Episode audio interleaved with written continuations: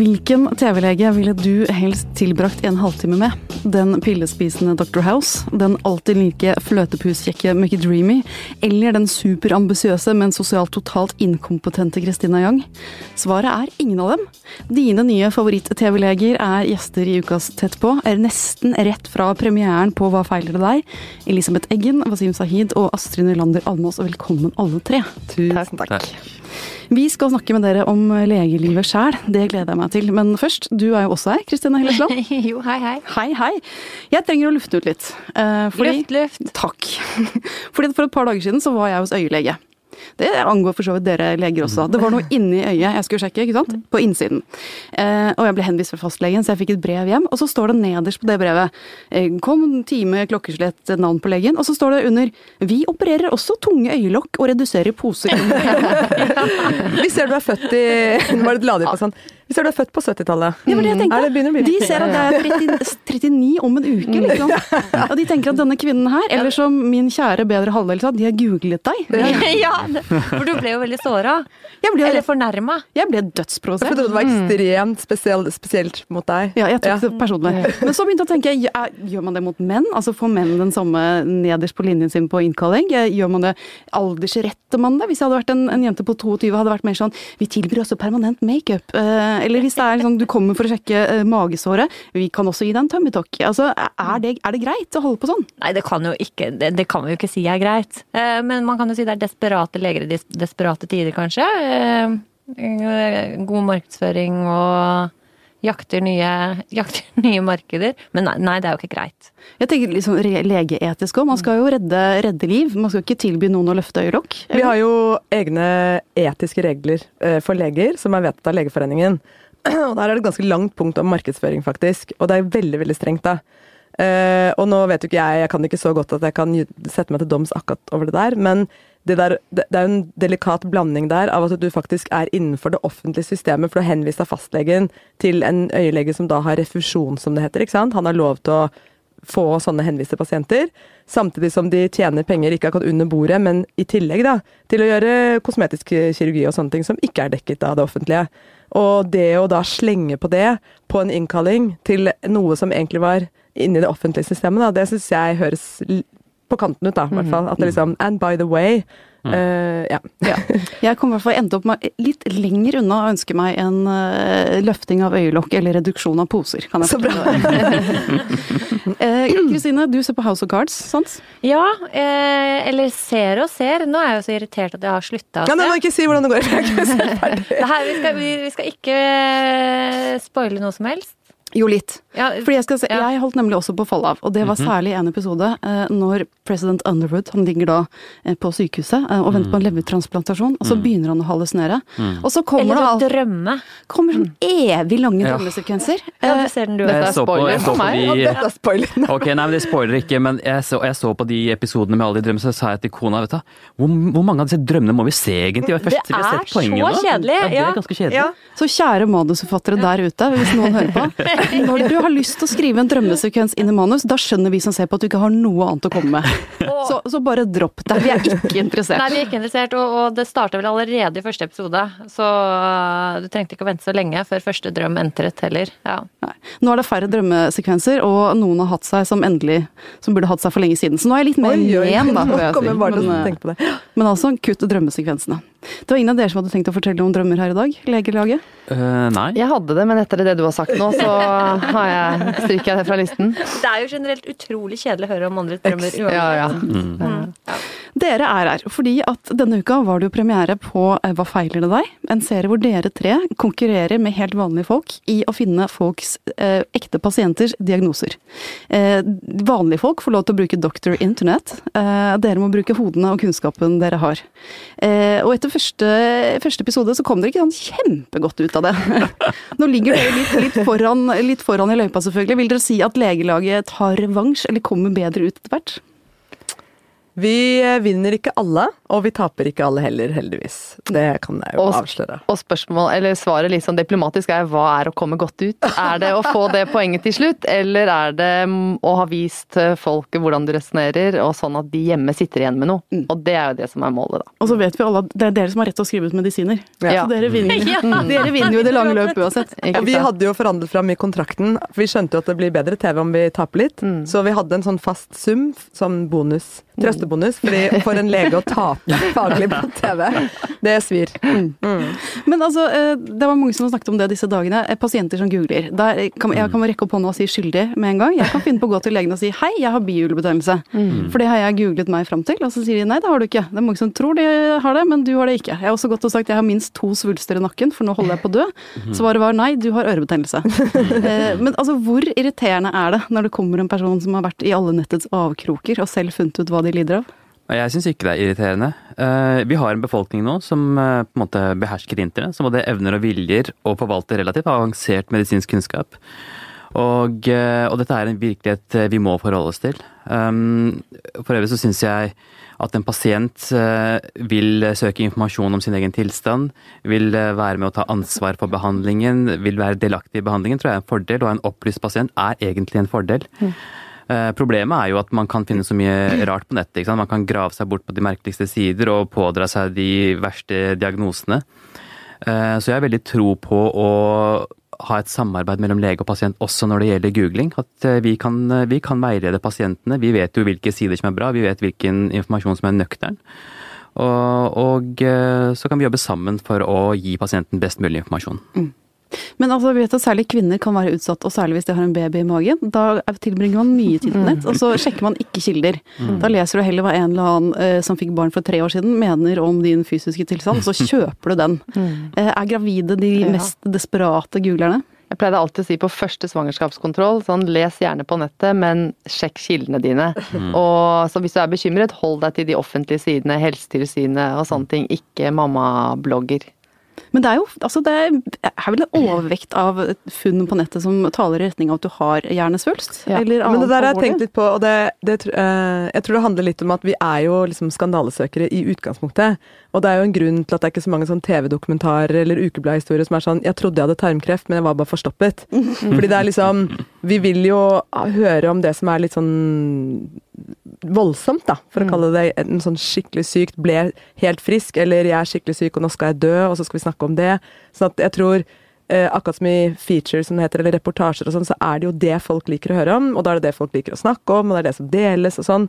Og da blir jo alt av hverdagsplager veldig usexy i sånne kanaler, da. Og så er det også det at eh, når du som pasient googler øh, og sjekker noe, så vil jo du gjerne uttrykke at det er noe alvorlig, så du søker bevisst mot de tingene for å se om du har symptomene på det eller ikke. Og så er det disse sidene som gir informasjon, de vil jo gjerne ikke blir tatt for noe, så de må jo liste opp alle mulige tenkelige diagnoser. Og da møter man da den kreftdiagnosen eh, når man har de to eh, teknikkene. Mm. Eller man kan også tenke seg at eh, de, at de formulerer seg ikke bare for å dekke seg selv, men også sånn eh, Ja, hvis du har eh, litt blod i bæsjen, så er det viktig kanskje å gå til legen da, for å avkrefte at det er tarmkreft. Selv om hemoroider kanskje er mer vanlig, da. Eh, og da blir det jo øynene som leser, og at ja. Sånn at jeg tror eh, det står nok på, både på og mellom linjene også hva det kanskje også kan være, da. De ufarlige tingene. Eh, før vi snakker videre, eh, jeg er veldig glad i folk med mange vekttall, kanskje fordi jeg har litt eh, få av dem selv. Men eh, dere har jo alle spesialiteter. Fortell nå før vi går videre hva dere kan aller, aller mest om innen eh, legegjerningen eller legefaget. Elisabeth først. Eh, Jeg er jo snart ferdig spesialist i barnemedisin, og da har jeg jobbet mye med lungeallergisykdommer. Eh, Men jeg har også erfaring fra anestesi, og har lyst til å bli det også. Mm. og Astrid? Jeg jobber også som barnelege en liten stund til jeg er ferdig spesialist, fordi jeg har også de siste årene forsket og er akkurat straks ferdig med en doktorgrad om hjerneutvikling hos barn som er født prematurt. Og så har jeg jobbet som allmennlege før, så det er ganske bredt eh, begge deler. Mm. Og jeg leverte inn min doktorgrad i dag. Wow! Ja. Gratulerer. Eh, jo, takk. Det er en doktorgrad innenfor eh, ultralyd og hjerte, og jeg driver også med spesialisering innen hjertesykdommer. Jeg har tidligere også jobbet som fastlege. Det jeg føler jeg er flinkest til, er å sitte hos pasienten og prate. Jeg føler meg så trygg akkurat nå. Det er veldig deilig.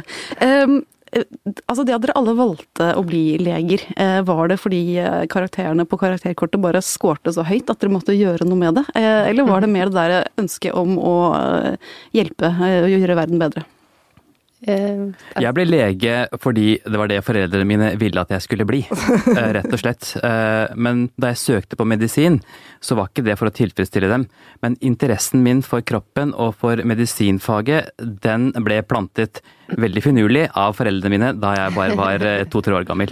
For allerede da hadde de bestemt seg for hva jeg skulle bli, så gjennom oppveksten så fikk vi alle søsknene, og alle vi har endt opp i helsevesenet. Så bra plan fra foreldrene mine. Du Eh, fikk sånn ministetiskop og sånn ja, reflekshammer og sånn? Riktig. Vi fikk sånn medisinske ting og biologibøker og ble fortalt hvor gjevt legeyrket var, slik at vi visste ikke noe annet, vi. Og Astrid med etternavnet Almås ja, og Nylander. Ja, jeg hadde da både mor og morfar som er lege, og det var aldri noen sånn forventning eller press. Senere, sen, eh, snarere noen sånne slitne ettermiddager sånn 'dette må du aldri finne på'. Men eh, hvis du er sånn passe flink og har jo et overjeg som sier sånn 'dette burde du velge', så jeg tok veldig avstand fra det per periode. Tenkte 'dette skal jeg i hvert fall ikke gjøre', til jeg var helt fri for andres, men kanskje i størst grad mine egne forventninger. Når jeg hadde lagt, valgt bort feil fag og sånn, og kunne velge helt fritt, da bestemte jeg meg, og siden har jeg ikke angret. Og det var god stemning rundt eh, søndagsmiddagsbordet den dagen. Ja, da ble det god stemning. da, jeg er jo født nerd og veldig nysgjerrig, og så hadde jeg to legeforeldre som er veldig begeistret for jobben sin. da.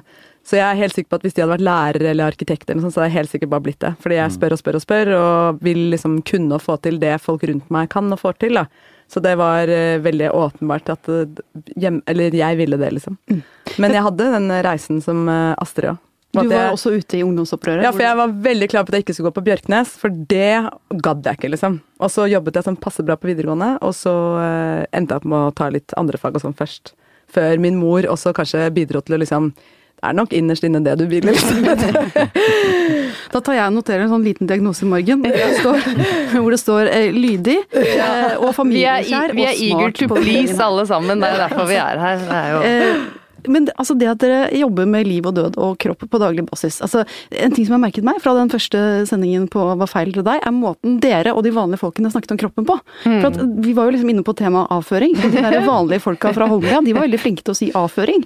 Mens du Elisabeth var litt mer sånn til hun jenta Kom det veldig mye bæsj på en gang! Eh, Får du liksom Er det noe Ja, kroppen og deg. Ja. Eh, nå har jeg jo lagd barne-TV om kroppen da, i et helt år, uh, men uh, uavhengig av det, så er jeg nok opptatt av å kalle en spade en spade, og avføring fungerer jo dårlig, i hvert fall for de fleste under tolv. da. Så det var jo fordi jeg skulle spørre hun jenta om det. Eh, og da funker bæsj eh, mye bedre. Det kan lette på stemningen, og det kan eh, ja, løsne litt på snippen. Så det er eh, bra. Men når man ser mye nakne kropper, avkledde kropper på, eh, gjennom hele dagen, kan man, kan man miste litt lysten til å se den nakne kroppen sånn ellers? Altså, kan det bli litt mye kropp i jobben deres?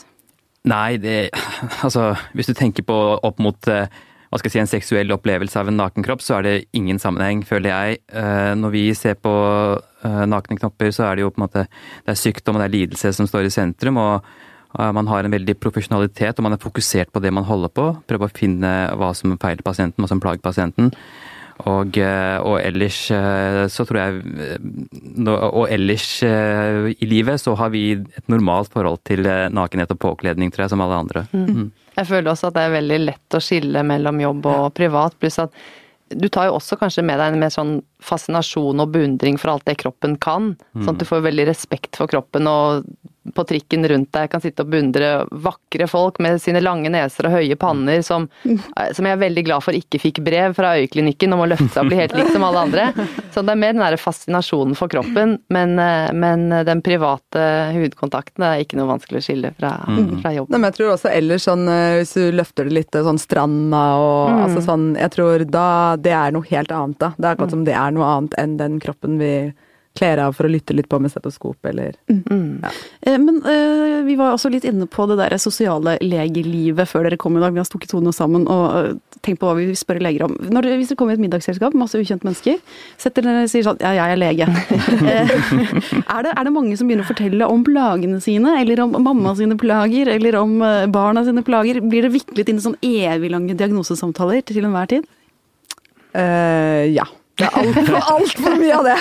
Det kan jeg si. At et lite sosialt tips eh, eh, Gjerne still noen spørsmål kanskje om eh, yrket, sånn som jeg ville gjort til en journalist eller en IT-konsulent, men ikke bruk det til en konsultasjon. Og det er ikke alltid det er så gøy heller å høre om sist de var på et sykehus og alt var dritt, og liksom ta ansvar for hele helsevesenet, ja, funksjon og sånn.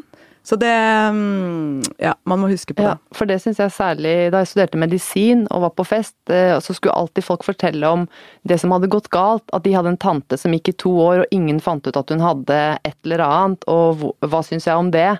Så det ble veldig mye dratt inn i det Mm. Ja, ja. derre feil og forsinkelser, og kan det stemme at ingen Ja. har ringt morfar Ja. etter fire uker og sånn?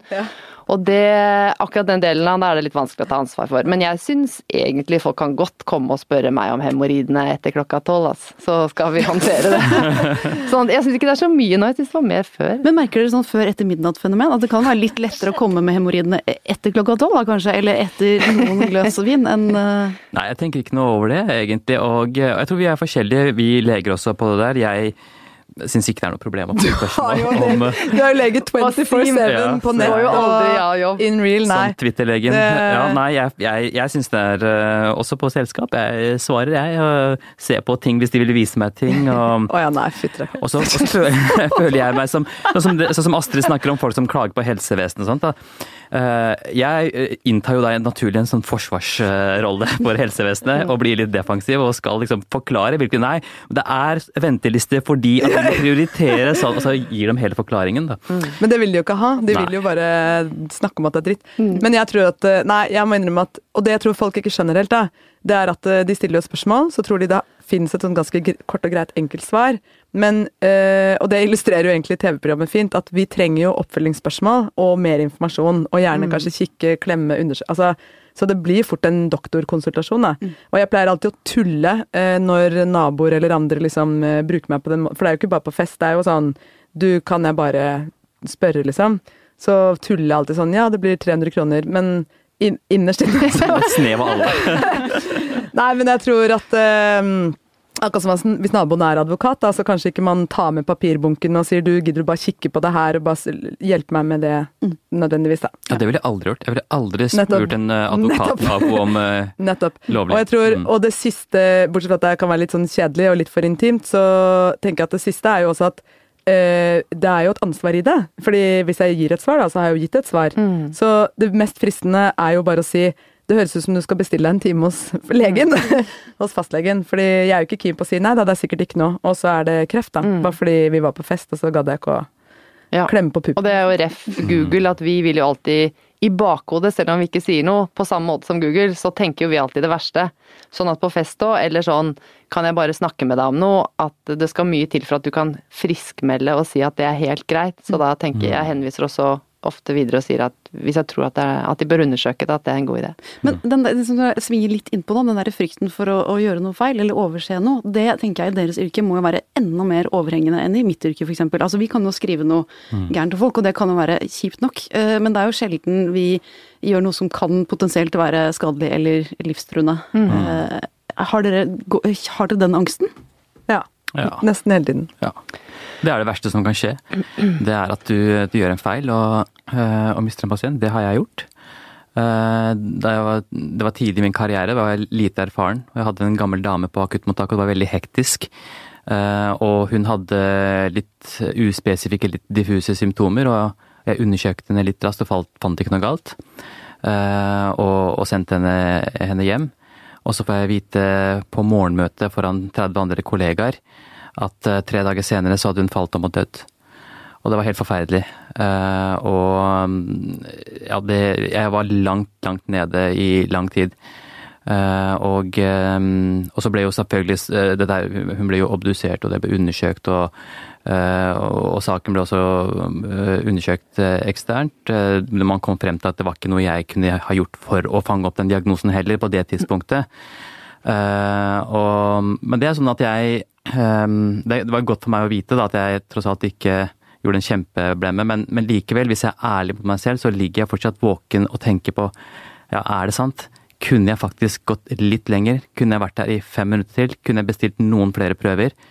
Hadde hun faktisk levd hvis jeg hadde oppdaget diagnosen. Eh, Så det, det er forferdelig. Og det, eh, det å miste en pasient, og jeg tror jeg gjør det mer enn kanskje eh, Elisabeth og Astrid, fordi jeg har mye eldre pasienter som er mye syke og, dør oftere også. Jeg husker at I en episode av Dr. House da vi om at han sa at not all patients who die are interesting. altså At det er mange vanlige ting også. Men for meg så er det sånn at jeg har aldri glemt en pasient som jeg mistet. Jeg husker dem enten ved navn eller ved ansiktet. Uh, og, og, det er de pasientene som du De du på en måte De du sitter igjen med, de du husker, det er de du ikke klarte å hjelpe, føler jeg. Mm. Mm. og det å jobbe med barn, er, det må jo være en kjempeutfordring da? Ja. Det er jo veldig tøft, fordi at det er jo da det er ikke forventet overhodet, så de gangene det går riktig galt med et barn, så er jo det eh, kjempeslag for alle involverte. Men kanskje mer enn å leve med den frykten, så tenker jeg at man velger jo å leve med en slags risiko. Og vi vet jo at i løpet av et langt le legeliv, bare sånn statistisk, du kan være så på du vil, men det kommer til å skje feil som du ikke kunne ha sett eh, menneskelig svikt, eh, maskiner, tidspress, sånne type ting.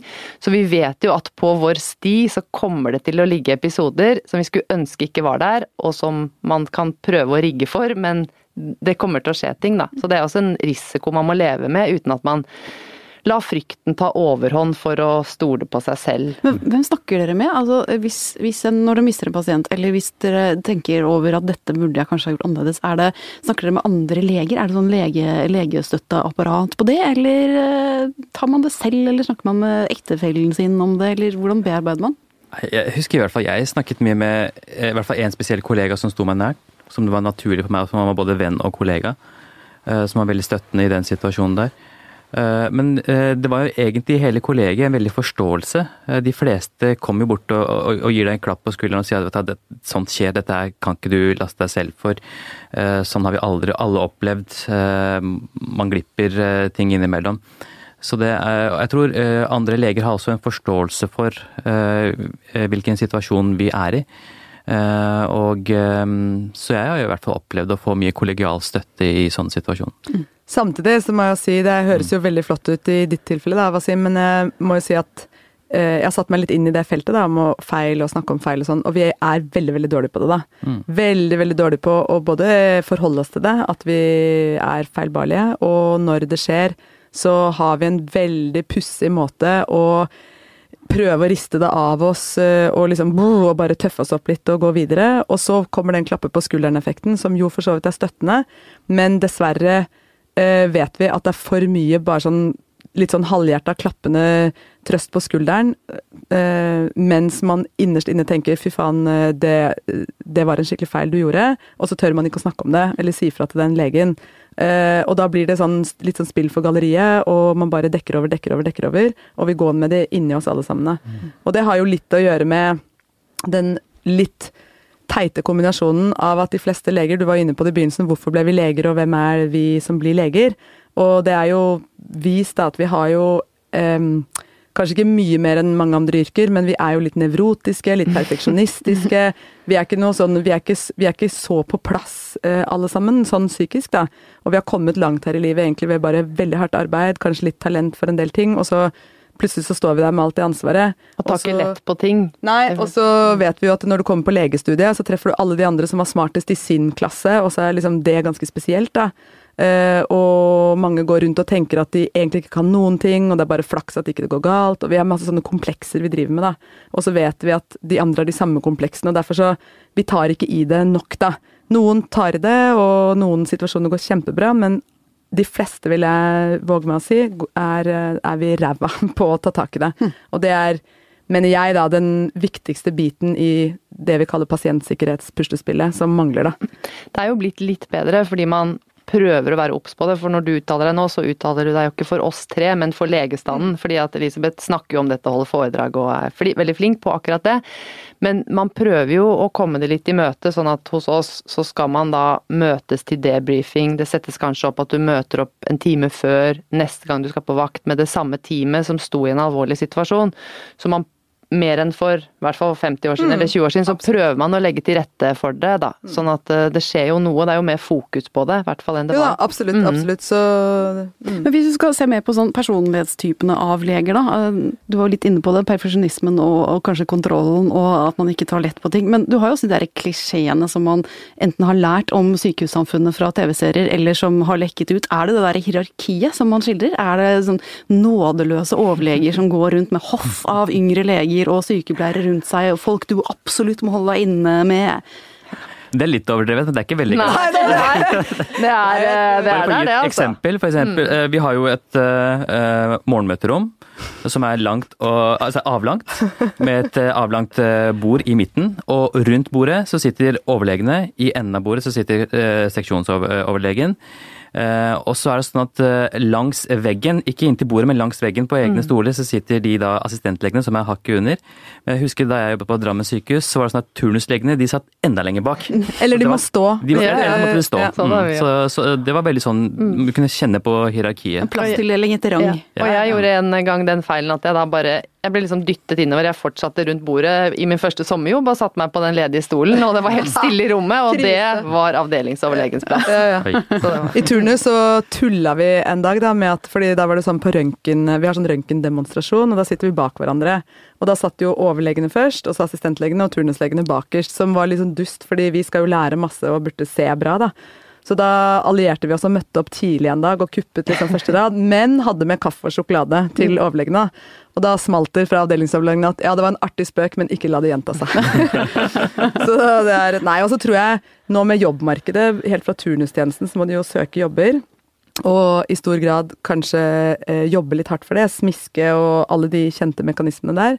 Eh, vi går jo i korte vikariater i årevis, og etter hvert kanskje er vi heldige for en fast stilling.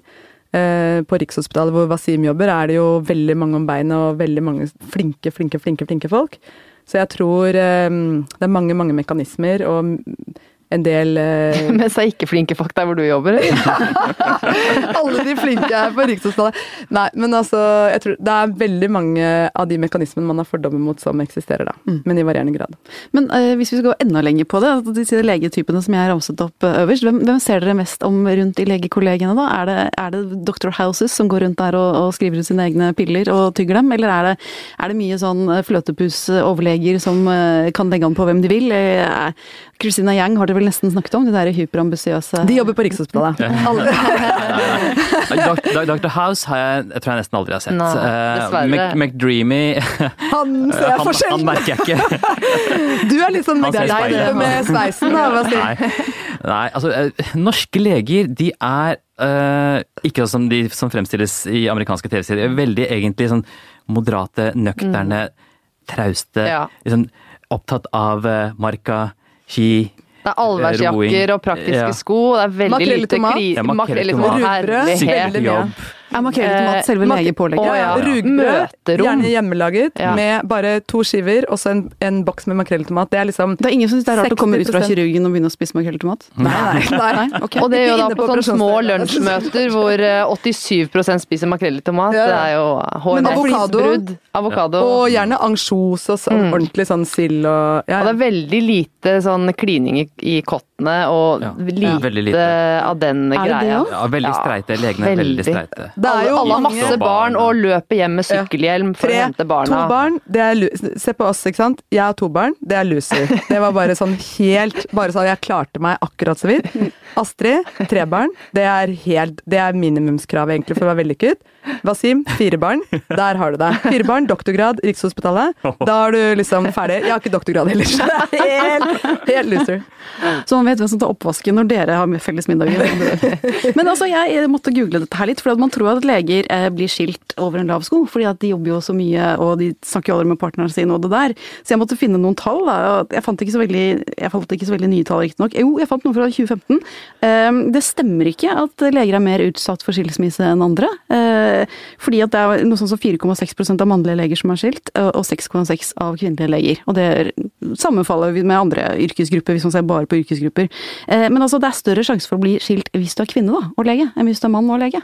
Hvorfor det? Men uh, da må jeg spole tilbake til personlighetstypen, da. Så hvis du ser for deg en sånn uh, litt sånn sterk, smart, litt sånn girl power dame som har kanskje enten allerede kjempet litt eller måttet kjempe, kanskje hun prøver å bli kirurg på Rikshospitalet til og med, da Slutt å snakke om Rikshospitalgreiene dine. Jeg blir helt Også, men litt sånn, uh, litt sånn nevrotisk og sterk dame, da. Samtidig som vi er jo veldig sånn litt sårbare og usikre på innsiden. Det er en håndfull, vet du, å takle. Det er ikke bare bare. For disse mennene, stakkar. Nei, jeg tenker motsatt. At ikke det er noe svak Jo, men at uh, i begge grupper, da, så er jo dette kvinner som Det er kanskje ikke noe svakhet at de er skilt, men det er kanskje folk som da står på egne ben, trenger ikke noen mann for å underholde seg, økonomisk, tenkte jeg på, og er liksom selvrealisert. Og hvis du har lyst til å gå, så er det jo ikke Altså, du står jo fritt til det. At det er jo mer folk med bein i nesa, tenkte jeg. Må korrigere for inntekt. Mm. Jeg skal ikke uttale meg, verken kvinne eller Eller skilt. Men eh, jeg, disse tallene som jeg fant som var enda morsommere, da, men gamle, fra 1999, de sier jo da at eh, og Nå sa dere det ikke var så mye klining i krokene, men hør, hør på dette. 12% av de mannlige og 38% av de kvinnelige legene har kollegapartner. Eh, det er jo ganske mange. Eh, og, og så er det da anekdotisk bevis for eh, at det er veldig vanlig med legepartnere med etternavn som er nær hverandre i alfabetet. Fordi man liksom typisk havner på sånn laboratoriegrupper sammen hvis man heter Spurkland og Svendsen, da. Eh, har dere noe erfaring med det? At de gifter seg inn på samme yrke, det kan jeg forstå på en måte, fordi liksom, de har, mange av de har studert sammen, lange studier, og man er i den alderen hvor man begynner å finne livspartner og sånt. Uh, men, uh, men, det vi mente med klining i gangene, det var liksom sånn typisk sånn man ser på Grace Anatomy, ikke sant? at det er mellom leger og sykepleiere, og det er Ja. Sånt, sånt er det ikke, dessverre. Nei, det er nok det tilfeldigheter med lange studier, og man går jo tett sammen i årevis. Så det er vel, i hvert fall i forhold til sånne lange embetsstudier, at jeg tenker det er ganske lignende i andre grupper. Men det er såpass mange flere kvinner da, som har kvinnelige leger som har kollegapartner enn en menn? Leste Hvorfor det? så- Er det- Ja, men det er kanskje fordi en kvinne som er høyt utdannet, har en eh, legeutdannelse. Jeg tror vel at de kanskje eh, ønsker en livspartner som kanskje i hvert fall har like god utdannelse. At det er et eh, en, en litt sånn større greie for kvinner, da, og kanskje ikke gifte seg med en som har dårligere utdannelse enn seg, eller eh, Mens for eh, mennene så ja, betyr det kanskje ikke så mye, men jeg vet ikke. Nå bare Ja, det får dere svare på. Kanskje flere mannlige legestudenter som møter opp på sykepleierfestene. Ja. Ja, kanskje. Eh, Enn eh, motsatt. Og så tenker jeg at eh, veldig mange Nå høres jeg veldig sånn eh, eh, streng ut, da, men veldig mange legestudenter studerer jo leser veldig mye.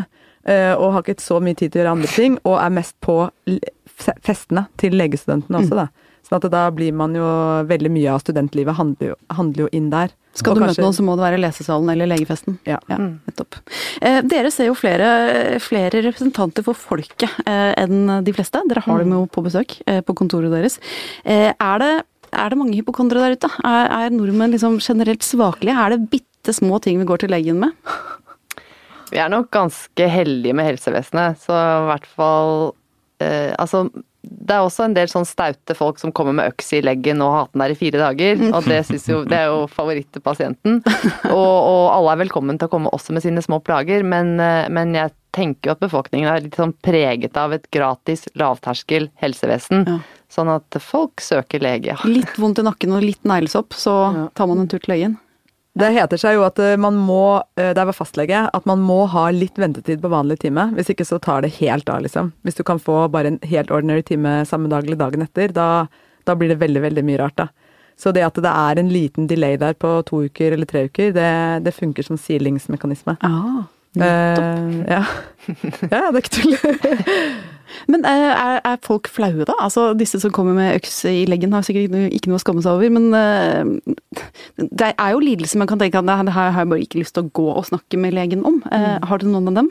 Den derre seksuelle lidelsen som du egentlig vet du har hatt i månedsvis, du bare ikke orket å ta i den. Eh, Det er jo det gøyeste å snakke om, men det vi vet er at eh, Bare korriger meg, kanskje du vet hva jeg sier, men menn over 50 har jo en utrolig lang delay før de går til legen. Og de tar jo også veldig lite ansvar for sin egen helse. Mange menn på 60-70 år som kommer til legen, har med seg kona, for det er hun som vet hva tablettene heter. Og det syns jeg er veldig, veldig rart, da. For det er akkurat som de ikke forholder seg til kroppen fra halsen og ned, det bare eksisterer. Men er det en redsel som ligger i bunnen for det? Fordi at Helt de vet at dere kan gi dere, dem en diagnose Folk er redd for alvorlig diagnose, men i forhold til det med å grue seg til å gå til legen, så ble i hvert fall vi som har studert sammen, eh, introdusert for det som et dørklinkespørsmål. At du kommer med forkjølelsen, og så idet du skal til å gå ut, så sier du og forresten så har jeg noe med pungen. Pungen.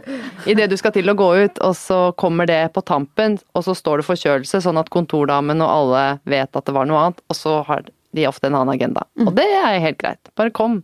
Så mm.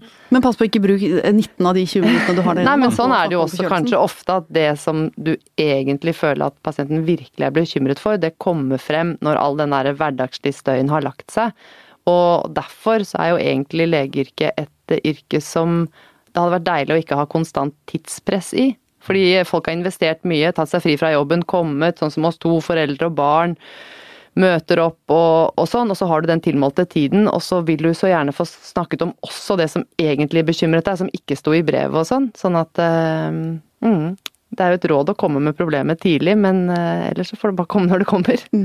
Vi skal snakke snaks, straks nærme oss slutten av denne, denne egentlig veldig deilige medisinske bolken i denne sendingen. Men eh, to spørsmål på slutten. Eh, jeg leste at eh, noen tall fra 2014 eh, 30% av alt korttidsfravær antas å være alkoholrelatert. Eh, og det er ikke, da man, man, ikke folk som går til dere og får en sykemelding, men altså folk som da velger å være hjemme fra jobben for at det er mandag og livet er tungt. Eh, fyllesyk, er det en diagnose? Er det grunn til å være hjemme? Altså, ja, altså, eh, hvis du har drukket masse alkohol kvelden før, og neste dag føler deg dehydrert, har hodepine, ikke klarer å konsentrere deg, så, så er jo du ikke i stand til å jobbe. Eh, og, og da skal du jo egentlig ikke møte på jobb heller og gjøre en, en, en dårlig jobb. Eh, og så, når man, eh, men når du legger frem den statistikken, så sier folk at ah, herregud, skal de ta seg fri fordi de har, fordi de har eh, drukket kvelden før, og så skal de liksom få betalt for å være hjemme og sånne ting. Der er jeg, skjønner du. Ja, men la, meg- la meg snu på det, da. La meg snu på det. La oss si at uh, på søndag så er du på Norefjell og står uh, i bakken og har det kjempegøy, og så vrikker du foten. Eh, som gjør at du ikke kan gå på jobb eh, neste dag. Hvorfor er det og Det blir møtt med forståelse, men liksom, du har jo også vært ute og moret deg. For nå sammenligner Skjønner du at Wasim er populær, ski- eller? Å kjøre på ski med å drikke Ja, jeg gjør det, full. fordi hvorfor, Det er like uansvarlig i dine øyne, da, fordi du Ja, men altså, man har, vært, man har selv vært ansvarlig, eh, og gjort noe moro, og så påført seg en Ja. eh, skade som har gjort deg ute av stand til å jobbe. Uh, hvorfor, hvorfor, hvorfor, hvorfor blir ikke det uglesett? Jeg synes jo at eh, men, eh, men jeg, jeg skjønner jo selvfølgelig at det at man ikke møter på jobb fordi man har, man har druk, drukket seg sjuk, eh, men eh, ja, vi skal ikke være for moralistiske heller, syns jeg. Ok, helt i skiløypa på Nordfjell, helt på jobben på mandag. det, det er jo, ja, enig, eller? Uh, Ja da, jo da. Nei, altså jeg Elisabeth er skiinstruktør, så hun er ikke Nei, jeg skulle mer uh, eh, si at vi, har, vi har vel en sånn ganske ok arbeidsmoral, og de der egenmeldingsdagene, altså Samme for meg om folk liksom bruker det på langhelg eller drikker seg full eller altså det Jeg tror ikke det er der eh, det velter. Det er jo Det arbeidsgivers Tallet virker veldig høyt. Jeg har også lest det før, og jeg tenker jo at vi har eh, kanskje mye sy eh, sykemeldinger uten grunn, men jeg ville egentlig ikke, også fra min tid som sånn lege og allmennpraksis, det er ikke hangoveren folk eh, Jeg vet ikke. Deres beste helsetips da, for våren fremover? Det må være boken 'Hemmeligheten'. Takk skal du ha. Wasims bok, altså. Ja. Les den, bli både sunn og klok. Ja. Gavepakke til Wasim. Ja, fantastisk. Har du noe Nei, tilbake til Astrid? Ha sånne fantastiske venner som Elisabeth og Astrid. Det er viktig. Eller som jeg og, og Wasim har funnet opp, husk, eh, slapp av og ta litt av alt, alltid. Tusen takk til Legelaget. Veldig fint å ha dere her. Da har Ingunn Saltbones, VGs sex- og samlivsskribent, kommet inn i studio. Jeg blir som vanlig litt, rann, litt rann varm i toppen av det, men velkommen til deg, Ingunn. Tusen takk. I dag skal vi snakke om det som skjuler seg bak forkortelsen BDSM. Eh, bondage eh, osv. Jeg trodde at det var fire ord jeg, som skjuler seg bak den forkortelsen, men nei da. Nei, faktisk så kan man det jo da på D-en, altså for det er jo BDSM. Eh, Og på B-en så er det da bondage. På D-en så kan man velge om man legger da dominance eller disiplin i den. Og så har du S-en sadisme, eh, sadisme og M-en masochisme. Nettopp. Så her er det mye, mye herlig å velge iblant. Eh, Og du mener rett og slett at eh, vi som ikke er BDSM-ere har litt å lære av denne gjengen her? Ja, jeg mener vi har ganske mange ting å lære faktisk, og viktige ting. De kaller jo oss eh, andre, eller andre som ikke er BDSM-ere, for vaniljefolket. Og kaller det for vaniljesex. Det er jo veldig morsomt, syns jeg. Sånn mykt, motstand, motstandsløst, men ganske godt, da. Vanilje. Ja. Litt sånn søtt og ufarlig. Litt søtt og ufarlig. Litt søtt og ufarlig. Men kan få litt sånn høyt blodsukker av det, da. Det er jo Men altså disse råskinnene, da. eh, De ser på oss andre som litt sånn eh, Som den litt sånn myke i substansen, kanskje litt kjedelige desserten. Ja, de vil, altså hvis du først har BD, noe innen BDSM som, en, som en, eh, et tenningsmønster, så vil det jo bli litt kjedelig i lengden med bare det. Helt åpenbart. Da trenger du litt mer.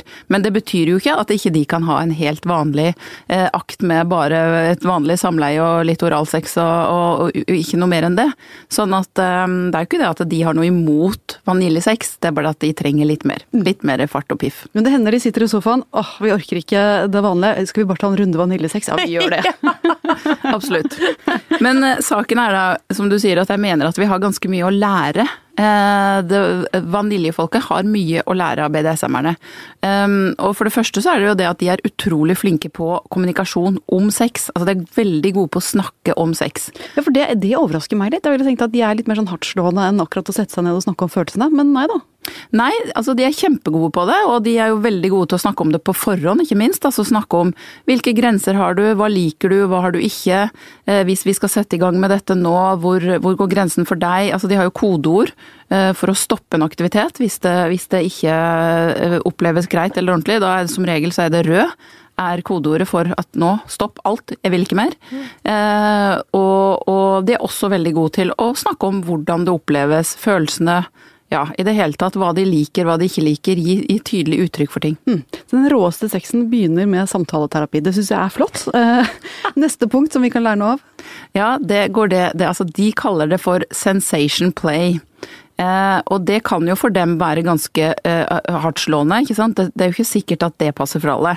Eh, men Det, men i sensation play så ligger jo egentlig bare at du leker med sansene. Og det mener jeg er kjempeviktig, og det bør man lære av. Du kan tenke deg bare det å, å bruke en fjær, for eksempel. Bare bruke den til å stryke over hele kroppen, ikke sant. Eller isbiter på brystvorter, for eksempel. Eller, altså, da, da begynner du å leke med sanser. Du har for eksempel blindfold. At du bare tar bort synet. Da øker du, sant, de andre sansenes hvordan de tar inn ting. Du vil da høre bedre, du vil føle bedre. Og du trenger heller ikke å ta Du kan jo bare ha sex i et bekmørkt rom, så vil det i praksis bli det samme som blindfold. Sånn at det, å, å, bruke sansene på den måten, det er kjempelurt. Og så en liten ting òg, liksom Man kan jo bare tenke etter selv. Hvis du, hvis du tar og så bare et hardt slag sånn på hånda di, og så stryker forsiktig sånn etterpå, så er det et eller annet med at du, du kjenner det myke, forsiktige. Du kjenner det litt sånn bedre etterpå. Mm, du må kjenne det myke for å kjenne det harde. Ja, altså, det, ja den, altså den der lille den, den lille der, den forsterker opplevelsen av den. Så det trenger ikke gjøre vondt, egentlig, for å få den effekten. Men utforsk sansene også. Ok, er det mer? Ja, det, det, tredje som jeg syns de er veldig gode på, det er jo det å å play. Altså de kaller det jo for play. Altså leke? Ja, å leke. Lek litt mer i senga? Lek mer i senga, lek mye mer i senga. Og, og de er også gode på dette, men det er jo en slags sånn rollespill, eller skuespill, ikke sant. De, de definerer roller de har i forhold til hverandre. Men lek er jo noe litt sånn, litt sånn barnslig. Rollespill, eh, da ser jeg for meg litt mer sånn hard. Da er det sånn, jeg er den strenge skolelæreren, du er den ulydige eleven. Eller er det så lekent at det kan være litt sånn barnslig? Ja, det kan sikkert være barnslig også. Det er jo en, det er jo en voksenlek, dette. Absolutt. Det er jo absolutt en voksen, en voksen måte å leke på. Eh, jeg mente ikke at barna skal trekkes inn på noen måte. Nei, nei, for det er utrolig viktig. Disclaimer fra programleder her. Ja, ja, nei, det er kjempeviktig. Ja, utrolig viktig. Ja, nei, det er nesten ikke til å le av, for det, det er selvfølgelig det er, Og det er, det er de jo også veldig, veldig opptatt av. Det er 18 års aldersgrense i i BDSM-miljøet i, i Norge. Og det er jo nettopp fordi at dette skal være sikker, samtykkende sex. Altså det skal være eh, gjensidig, man skal ville det, og man har egentlig ikke samtykkekompetanse før man er 18. Men når man har det, da kan man begynne å leke? Da kan man begynne å leke. Mm. Gitt at det er da dette som er ens tenningsmønster, og det er det man vil. Mm. Og når de da er ferdig med leken og de andre stadiene i sexen, hva gjør BDSM-erne da? Jo, det er også noe de da er veldig gode på og de kaller det for aftercare. Sånn at når på en måte man er, man er, ferdig med det heftige, og kanskje man har fått en orgasme, eller liksom man har, er ferdig med på en måte den biten, så eh, er de gode på det å ta vare på hverandre. stryke på hverandre, spørre hvordan var det for deg, hva syns du fungerte, hva syns du ikke fungerte. Eh, altså, så de har liksom et veldig bevisst forhold til det, at da må man også ta vare på hverandre. Det er liksom ikke over i det øyeblikket man liksom har, har fått sitt. Det er ikke sånn at da snur man ryggen til og sovner liksom snork. Nei, det er ikke tenne den siggen og løpe ut i det møtet, men det er eh, tilbake til samtalegruppa som det hele begynte med. Tilbake til samtalen. Tusen takk for at du nå har gjort BDSM litt mykere for en vaniljepike som meg. takk til Kristine Helsland og til Magne Antonsen, som også har gjort denne sendingen til den festen den har blitt.